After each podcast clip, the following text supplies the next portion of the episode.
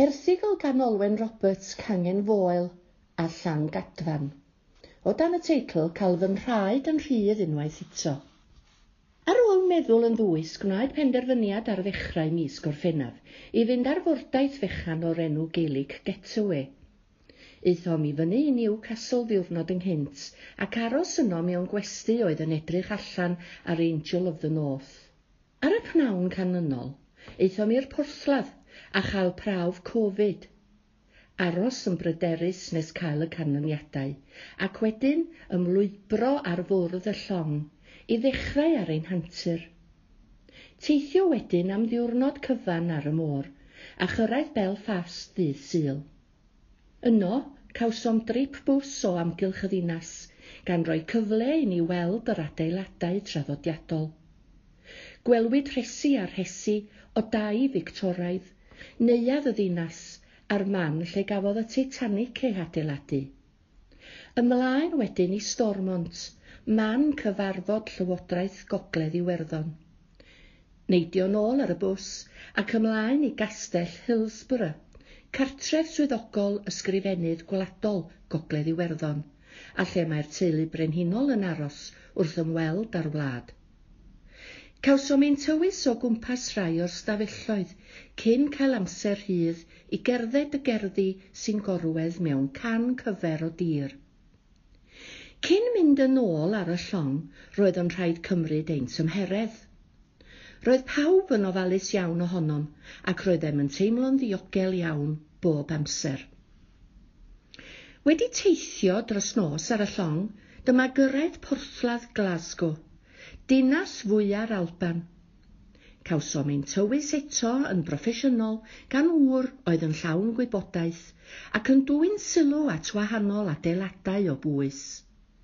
Aros enid yn George Square, calon y ddinas a chanolbwyntio ar y bensaerniaeth yno ymlaen i ymweld ar eglwys gadeiriol ganoloesol drawiadol sy'n dyddio nôl i 1136 cyn aros eto i edrych ar adeilad dywodfaen Celfin Grof, sef oriel ac amgueddfa sy'n canolbwyntio ar gelf a phensaerniaeth Glasgow. Cawsom dreulio dwy awr ddifur iawn yma. Diwrnod ar y môr oedd hi dydd mawrth, taith bleserus iawn, gyda golygfeidd godidog bob ochr i'r llong.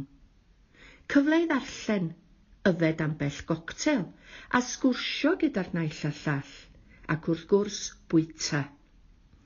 Ddydd mercher dyma gyrraedd yn ysoedd erch o'r cni. Roedd fy chwaer wedi bod yma ac yn argymell i ni fynd i ymweld â sgar a bre.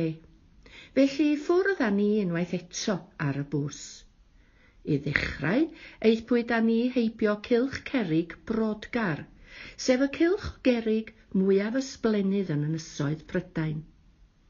Mae'n safle seremoniol sy'n dyddio nôl i'r drydydd mileniwm cyn Crist. Ymlaen â ni wedyn nes cyrraedd y pentre neolithig a Bre.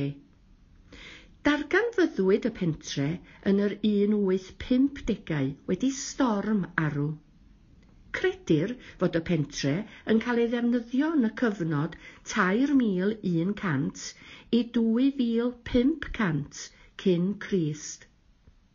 Wrth ymlwybro o amgylch y tai, roedd em yn gallu gweld y dodrefn oedd wedi ei gwneud o gerig, gan nad oes fawr o goed ar y nysoedd erch.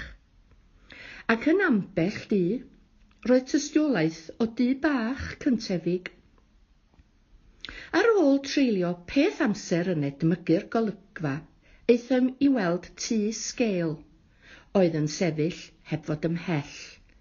Cafodd ei adeiladu yn yr un chwech dau ddegau. Hwn oedd cartref William G. Watt, a ddatgelodd y pentref neolithig byd enwog, a dyma'r plasti gorau o'i fath ar yr ynys, o'r ail ganrif ar bymtheg fe'i meddianwyd ddiwethaf yn 1991 ar ôl chwe blynedd o waith adfer gofalus a gorwyd y tir cyhoedd yn 1997 ac fe'i cyflwynir fel cartref y teulu fel ac yr oedd yn yr 1950au. Nôl ar y llong a theithio dros nos i Gaeredin. Roeddem wedi dewis mynd ar y trip Dinas Caeredin a'r Castell. Dyma ffordd o weld llawer mewn ychydig oriau, gan gychwyn gyda'r castell, cartref teulu brenhinol yr Alban ers canrifoedd, man geni James y chweched yn 1566. Yma y cedwir gemwaith y goron ac yma hefyd mae cartref yr amgueddfa ryfel genedlaethol gyda gwybodaeth am bedwar cam mlynedd o hanes milwrol yr Alban. Nesaf, yn ôl ar y bws, a ceithbwyd â ni i lawr y filltir frenhinol, a gwelsom eglwys gadeiriol St Giles a phalas tu Holyrood, ble mae'r frenhines yn aros pan fydd i ar ei ymweliadau swyddogol. Gwelsom hefyd adeilad Senedd yr Alban. Cynhalwyd y ddadl gyntaf yno yn 2004, ar ôl i'r adeilad cael ei gwblhau bron i 300 mlynedd ar ôl diddymu senedd diwethaf yr Alban. Yn fy marn i, adeilad sopor o hyll, yna nôl i'r llong i baratoi at ein swpar olaf. Cawsom wythnos wych, gwelsom lawer ac fe ddysgon i lawer. Braf cael oedd y cyfle i deithio eto, ond gofal pia hi.